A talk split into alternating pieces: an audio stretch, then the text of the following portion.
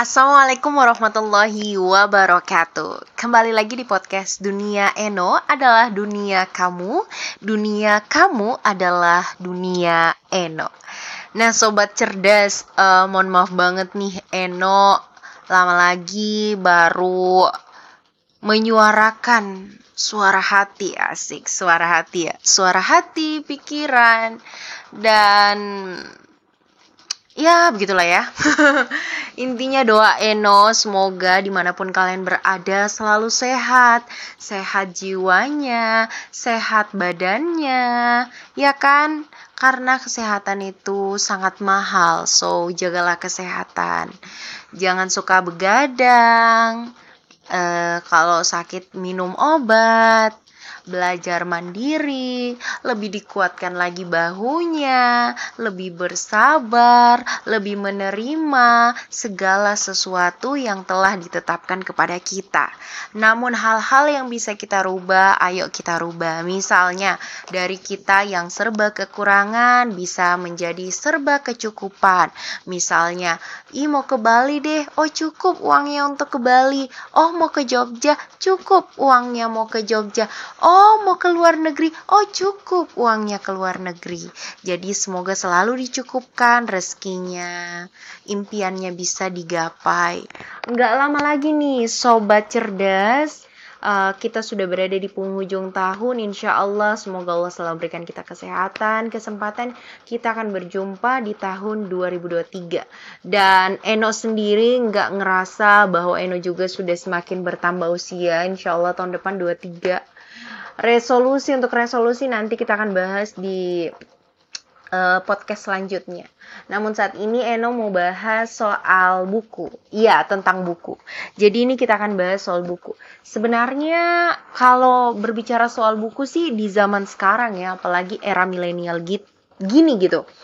Uh, orang kebanyakan menganggap buku itu sesuatu hal yang sudah uh, sudah tidak asyik lagi sih tidak asyik tidak asyik lagi. Uh, kenapa? Karena di zaman sekarang uh, genggaman di tangan yakni HP dan peralatan teknologi lainnya itu lebih menarik gitu ketimbang buku fisik. Nah, tapi nggak semua orang, kebanyakan, sebagian gitu. Ya, tapi ada juga yang menganggap bahwa buku adalah sesuatu hal yang kayak dirasa hal yang hebat, luar biasa yang bisa menambah uh, menambah pengetahuan tentunya knowledge ya kan. Kemudian juga menambah nutrisi. Karena nutrisi sebenarnya bukan hanya berasal dari vitamin atau apa yang kita makan, tapi juga apa yang kita dengar, apa yang kita perhatikan, ya kan? Nah, kalau pendapat Eno sendiri soal buku, Uh, kalau Eno, menurut Eno itu buku adalah sesuatu hal yang sangat luar biasa, amazing. Kemudian juga buku adalah penyelamat. Kenapa Eno bisa bilang penyelamat? Seperti halnya Al-Quran. Al-Quran kan itu alif lamim. Dalika inilah Alkitabu kitab lah. Tidak ada roiba keraguan.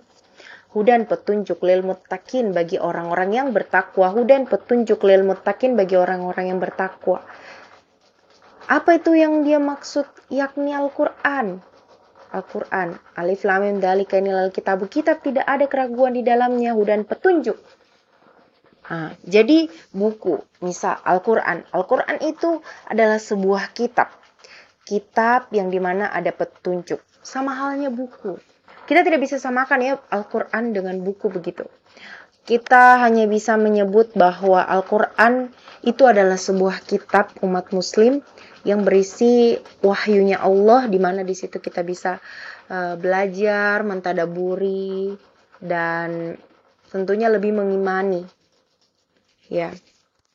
Nah, uh, intinya kenapa Eno sebut buku adalah penyelamat? Uh, analoginya gini. Karena uh, karena buku itu adalah sebuah sumber sebuah sumber di mana kita bisa banyak belajar. Dia penyelamat kita. Ya, dia penyelamat kita dari kebodohan. Kebodohan, memberantas kebodohan. Nah, jadi yang udah bodoh terus tidak mau belajar ya janganlah ya. Eno juga merasa bahwa Eno juga semakin belajar itu semakin tidak tahu dan itu memang nyata. Semakin kita belajar, semakin kita tidak tahu. Kenapa? Karena begitu dalamnya, begitu luasnya ilmu pengetahuan yang sehingga semakin kita kerok, semakin kita kerok, kita semakin merasa bahwa wah, ternyata kita ini hanya belajarnya begini aja gitu. Jadi itu itu bukan kalau misalnya ada yang menganggap bahwa eh kayaknya kamu udah puas terserah ya karena memang sih yang namanya belajar itu nggak ada nggak akan pernah ada rasa puas. Apalagi kalau misalnya ilmunya yang secuil ini dibagikan ke banyak orang itu kan. Akan semakin luas luas luas luas. Kita nggak pernah tahu ya ilmu apa atau amalan apa yang bisa memasukkan kita di surga. Mungkin dari eh, hal-hal uh, yang kita katakan untuk misalnya ayo melakukan kebaikan. Hal itu ditiru oleh orang lain kemudian itu dilakukan pada eh, dilakukan terus menerus hingga akhirnya kita sudah tidak ada di bumi di bumi ini kan. Termasuk amal jariah gitu jadi ayo selalu menyerukan kebaikan sama halnya tadi tentang buku kita lanjut lagi soal buku nih sobat cerdas nah Eno itu mulai suka sama buku itu pada saat kalau nggak salah kelas 2 SD ya kelas 2 SD jadi pada saat itu Eno alhamdulillah masuk sekolah SD itu kelas umur 5 tahun ya, umur 5 tahun. Dan Eno pada saat itu sudah bisa ya, sudah bisa membaca. Tapi memang membacanya masih masih BA ba. Eh BA ba. Ba. Eh tambah apa? BA ba tambah BI BA ba. BI bi babi kayak gitu. BU bu, KU ku buku masih membaca begitu. Nah itu. Nah, terus Eno juga, saya ingat Eno itu Eno e, belajarnya mandiri.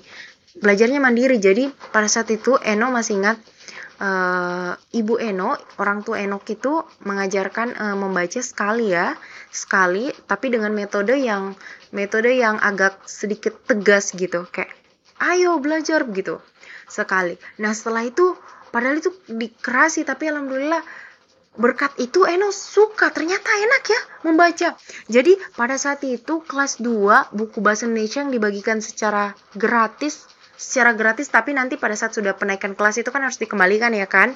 Nah itu Eno baca semua. Baca membaca membaca. Ternyata enak. Pokoknya semuanya membaca itu kayak dibaca. Dah nah, nah dari situ Eno lang lancar membaca.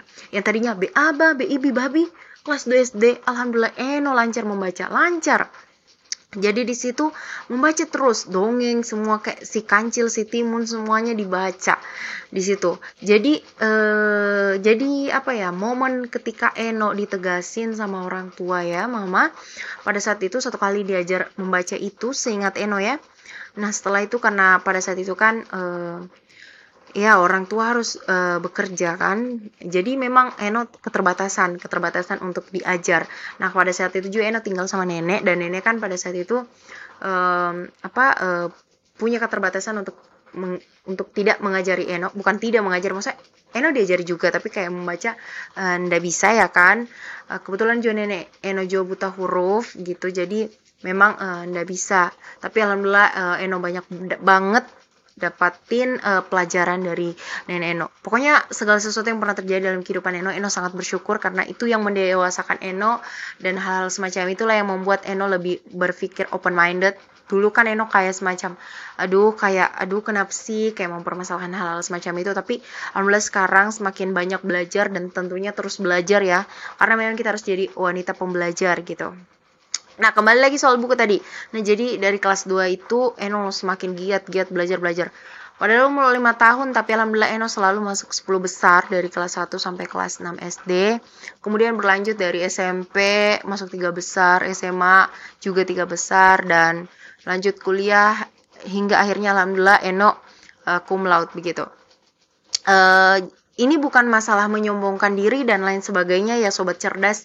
Uh, di sini Eno Padahal juga kalau misalnya masalah berbicara soal main-main, Eno juga sering main-main, sangat suka main-main ya. Kalau masalah serius, memang sih Eno sedikit serius dan sedikit kaku gitu. Tapi dibalik itu semua, Eno tetap punya kayak semacam ya harus diselesain walaupun memang si Eno juga punya kebiasaan yang namanya nunda-nunda. Nah hal ini semacam hal ini ya namanya bersik, bersikap nunda-nunda itu sebaiknya jangan dilakukan karena itu sangat berbahaya sekali sih. Seperti Eno juga rasain banyak hal kegagalan-kegagalan yang Eno temui gara-gara apa? Menunda. Jadi itu mungkin juga bisa dijadikan nanti kita bahas lagi soal resolusi untuk tidak menunda-nunda. Kalau misalnya bisa dikerjakan sekarang, lakukan sekarang gitu. Jangan menggampangkan sesuatu ya, itu juga. Nah, kembali lagi soal buku. Waduh, kenapa sih pada saat membahas ini kemudian ngalor ngidul ke mana gitu? Gak ada ujung ya, maafin ya. Oke, lanjut kita soal buku. Jadi, Alhamdulillah Enos suka buku. Jadi, intinya adalah uh, Eno setuju dengan perkataan uh, Mbak Nana ya, Mbak Najwa Sihab. Pada saat itu beliau ada quotes-nya, quotes atau Eno denger, Eno lupa deh, kayaknya quotes deh. Eh kayaknya iya Eno dengar uh, Mbak, Na, Mbak Nana bilang gini, yang bisa membuat kita jatuh cinta sama buku, temukan satu buku yang bisa membuat kamu jatuh jatuh cinta buku apa pun itu dengan genre apa pun itu. Pada saat kamu sudah mulai jatuh cinta sama buku, insya Allah kamu akan kamu akan e, merasa senang, merasa suka sama buku itu. Dan bukan cuma buku itu yang bakal kamu baca, pas semua baca dan pasti akan banyak buku yang kamu baca. Dan kalaupun memang buku hanya itu yang kamu suka, misal contoh genrenya ini romance, nah kamu suka yang itu, ya nggak apa-apa juga. Karena mau bagaimanapun namanya buku pasti ada yang namanya pengalaman di dalamnya, ada pengetahuan di dalamnya yang tentu saja bakal bermanfaat buat kita gunakan buat kita bagi buat diri kita buat orang lain. Nah jadi buku itu sangat-sangat berguna banget. Nah dan pada saat itu Eno juga masih ingat ya waktu SD SD menjelang SMP Eno juga pernah sempat buku jatuh cinta sama bukunya uh, Buya Hamka ya kalau nggak salah itu yang dibawa lindungan Ka'bah. Ih suka sekali masya Allah kayak puitis di situ juga Eno jatuh cinta sama sastra. Intinya tentang buku ya kalau berbicara soal buku itu luar biasa sekali. Jadi eh, membaca buku eh, membaca buku secara fisik itu sangat berbeda dengan membaca buku yang kita baca buku melalui HP beda sekali sama halnya dengan mengaji. Mengaji melalui handphone dengan mengaji tanpa ada media gitu langsung beda beda beda beda rasanya. Kalau Eno sendiri sih jujur itu lebih suka yang secara nyata gitu. Kayak misal contoh membaca buku lebih suka yang buku fisik dibanding yang di HP kenapa? Mata juga kan kalau HP terlalu sering kena radiasinya apa segala macam.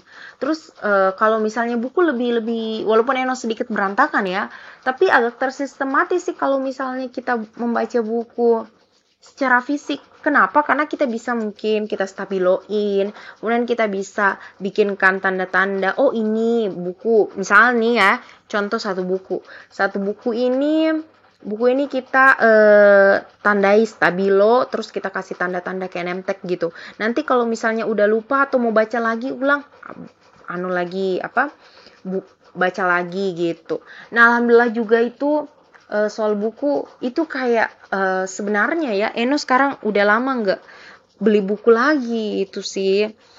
Jadi kita koleksi buku tapi tetap tetap apa ya namanya tetap tetap dibaca. Ah ini masih Eno ingat. Kata Paulo Coelho iya Paulo Coelho ya kalau ya Paulo Coelho itu bilang gini, koleksi buku yang dikumpulkan susah payah seumur hidup tidak ada artinya bila hanya sebagai pajangan.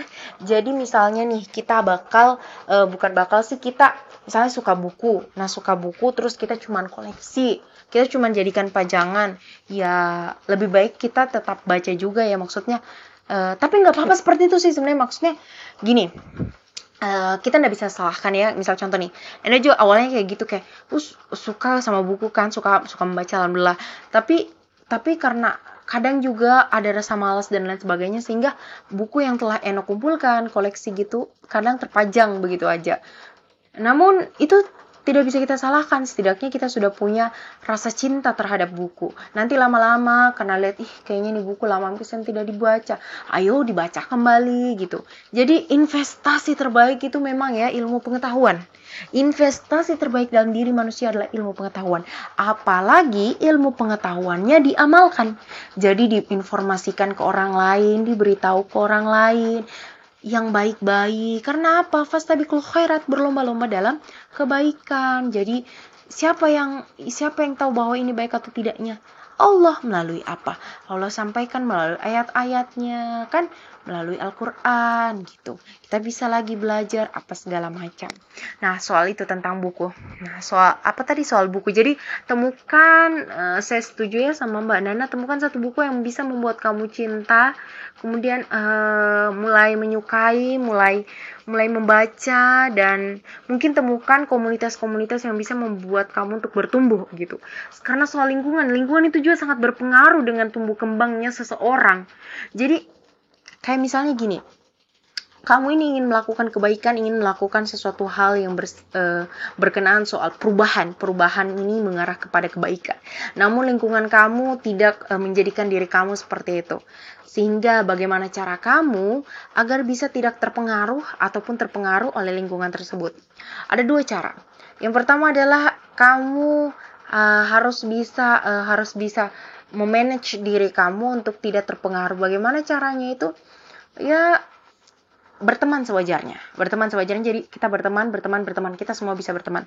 Tapi hal-hal yang mendasari soal prinsip itu tidak boleh ditentang.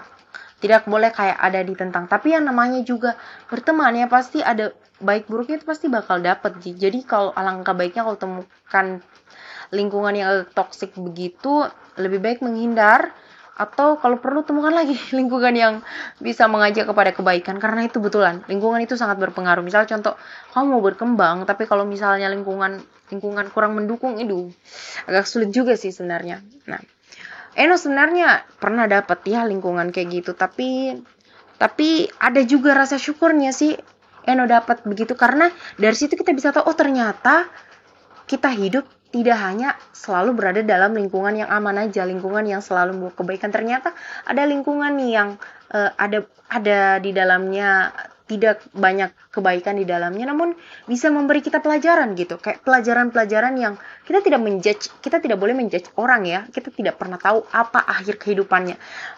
Mungkin dia insya Allah diberikan hidayah, diberikan diberikan hidayah kepada berikan hidayah dari Allah kita kita doakan dia kan? Kita nggak pernah tahu. Jadi hal-hal semacam itu kita doakan ya Allah semoga dia dibalikan hatinya kembali kepadamu lebih baik lagi bersama-sama menjalan e, melakukan hal-hal baik. Kita doakan hal-hal semacam itu. Karena dakwah kan itu ada bilisan ya secara lisan. Terus uh, terus lagi uh, kalau nggak bisa lisan kita bisa pakai uh, doa kan kalau tidak bisa tangan juga kita apa ya memukul ya. Eh tangan tangan kita menulis menyebarkan kebaikan. Pokoknya dakwah kan itu banyak metodenya caranya gitu. Jadi kita lakukan saja apa yang bisa kita lakukan. Biarkan Tuhan melakukan apa yang tidak dapat kita lakukan. Ini quotes ini sangat saya suka. Kalau saya tidak salah itu lakukan apa yang tidak bisa eh lakukan apa yang bisa kita lakukan. Biarkan Tuhan melakukan apa yang tidak dapat yang tidak bisa kamu lakukan. Ini kalau nggak salah itu penerbit Quantum Book ya? Iya Quantum Media. Itu lupa itu bukunya siapa. Intinya ini buku ya.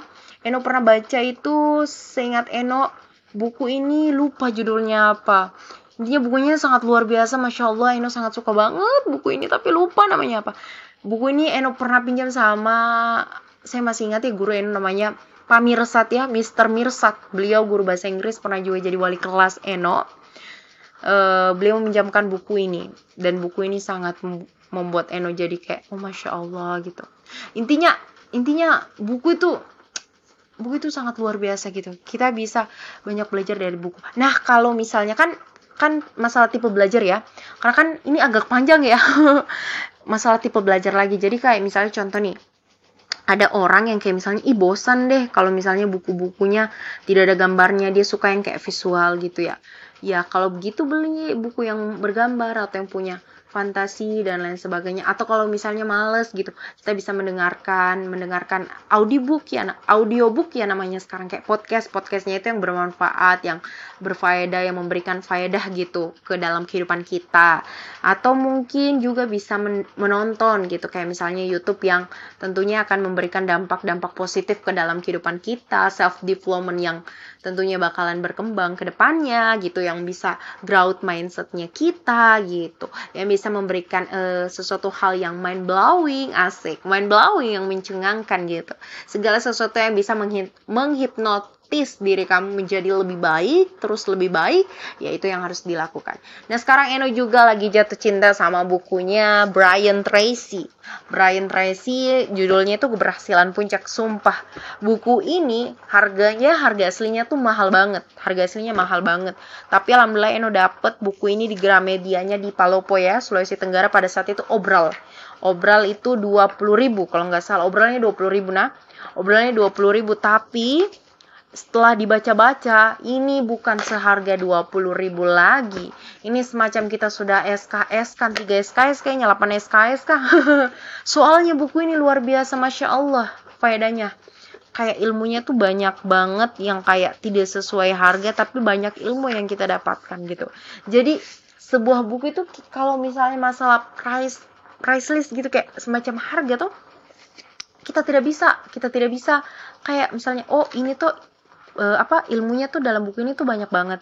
Terus harganya segitu kita tidak bisa kayak value buku kita uh, kita lihat dari mahal murahnya gitu. Value-nya buku. Nah ini masalah ini lagi. Value-nya buku kita tidak bisa lihat dari mahal murahnya sebuah buku. Kenapa? Karena memang begitu. Karena misalnya karena kalau kita berpatokan bilang ini buku mahal deh. Ndak begitu. Tapi manfaat dari buku itu. Kayak misalnya mau semahal apa pun itu buku atau mau semurah apa pun itu buku tapi tapi karena buku yang kamu suka atau buku yang bisa membuat cakrawala baru dalam dirimu dan buku yang menurut kamu bermanfaat dikumpulin beli uangnya ya udah investasi lagi. Jadi kembali lagi investasi bermanfaat itu adalah ilmu pengetahuan. Ilmu pengetahuan. Jadi yang yang masih berpendidikan saat ini teruslah belajar uh, yang teruslah belajar. Belajar itu bukan cuma dari sekolah formal belajar juga non formal kita juga bisa belajar dari pengalaman banyak orang kita bisa belajar kemudian juga kita bisa belajar dari buku-buku yang telah banyak disediakan. Kita bisa ke perpustakaan kita bisa ke kita bisa membaca buku di HP kita bisa membaca buku di mana saja. Intinya selalu mengisi diri kita dengan hal-hal energi-energi positif menambah pengetahuan ibarat kayak gelas kosong yang ketika ketemu orang yang baru mendapatkan pengalaman mendapatkan ilmu kita dituangkan lagi gelasnya dituangkan lagi air di dalam gelasnya. Terus kalau misalnya sudah penuh, eh, ketemu lagi orang baru, dibuang lagi airnya, isi lagi, gitu. Selalu merasa, selalu merasa tidak ada sehingga ketika kita ketemu orang, kita selalu, oh, terima kasih atas ilmunya, terima kasih atas informasinya. Selalu merasa, ih saya ini tidak ada apa-apanya. Nah, namun Allah memberikan segalanya. Jadi soal itu ya tentang buku. Sebenarnya tentang buku itu agak panjang sekali kalau mau dibahas. Dan Eno coba banyak bercerita tentang diri Eno karena sebagai mungkin ini hmm, sebagai apa ya sebagai apa yang mau dibilang? Anda tahu deh intinya uh, sebuah pengalaman yang Eno semoga suatu saat nanti sukses dunia akhirat amin. Bisa kembali mendengarkan apa yang telah Eno sampaikan dan semoga bermanfaat. Dan semua sobat cerdas di mana pun berada sudah saatnya kita berkarya. Bukan mis sudah bukan mis sekarang saatnya kita cuman berma, bermalas-malasan. Sudah saatnya berkarya. Eno alhamdulillah sudah pernah sudah jadi podcaster walaupun podcaster belum terkenal tapi Eno doain dan semoga teman-teman Eno juga doain ya yang dengerin ini. Semoga nanti ke depannya Eno mungkin bisa jadi podcaster dengan dengan trending satu ya. Di podcaster itu kan ada yang kayak nama batuk lah Eno. Podcaster ada yang kayak nomor 1, 2, 3 Eno kepengen banget podcastnya. Eno tuh berada di nomor 1 ya setidaknya 10 besar dulu. Terus lagi lambat-lambat hingga di satu. Nanti akan ya gitu. Itu keinginan Eno. Soal kemudian setelah podcaster Eno juga ingin beralih ke konten uh, creator juga ingin jadi youtuber ya. Jadi tolong doain. Karena kan sudah saatnya kita berkaya kita coba aja. Kita coba apa yang bisa kita lakukan.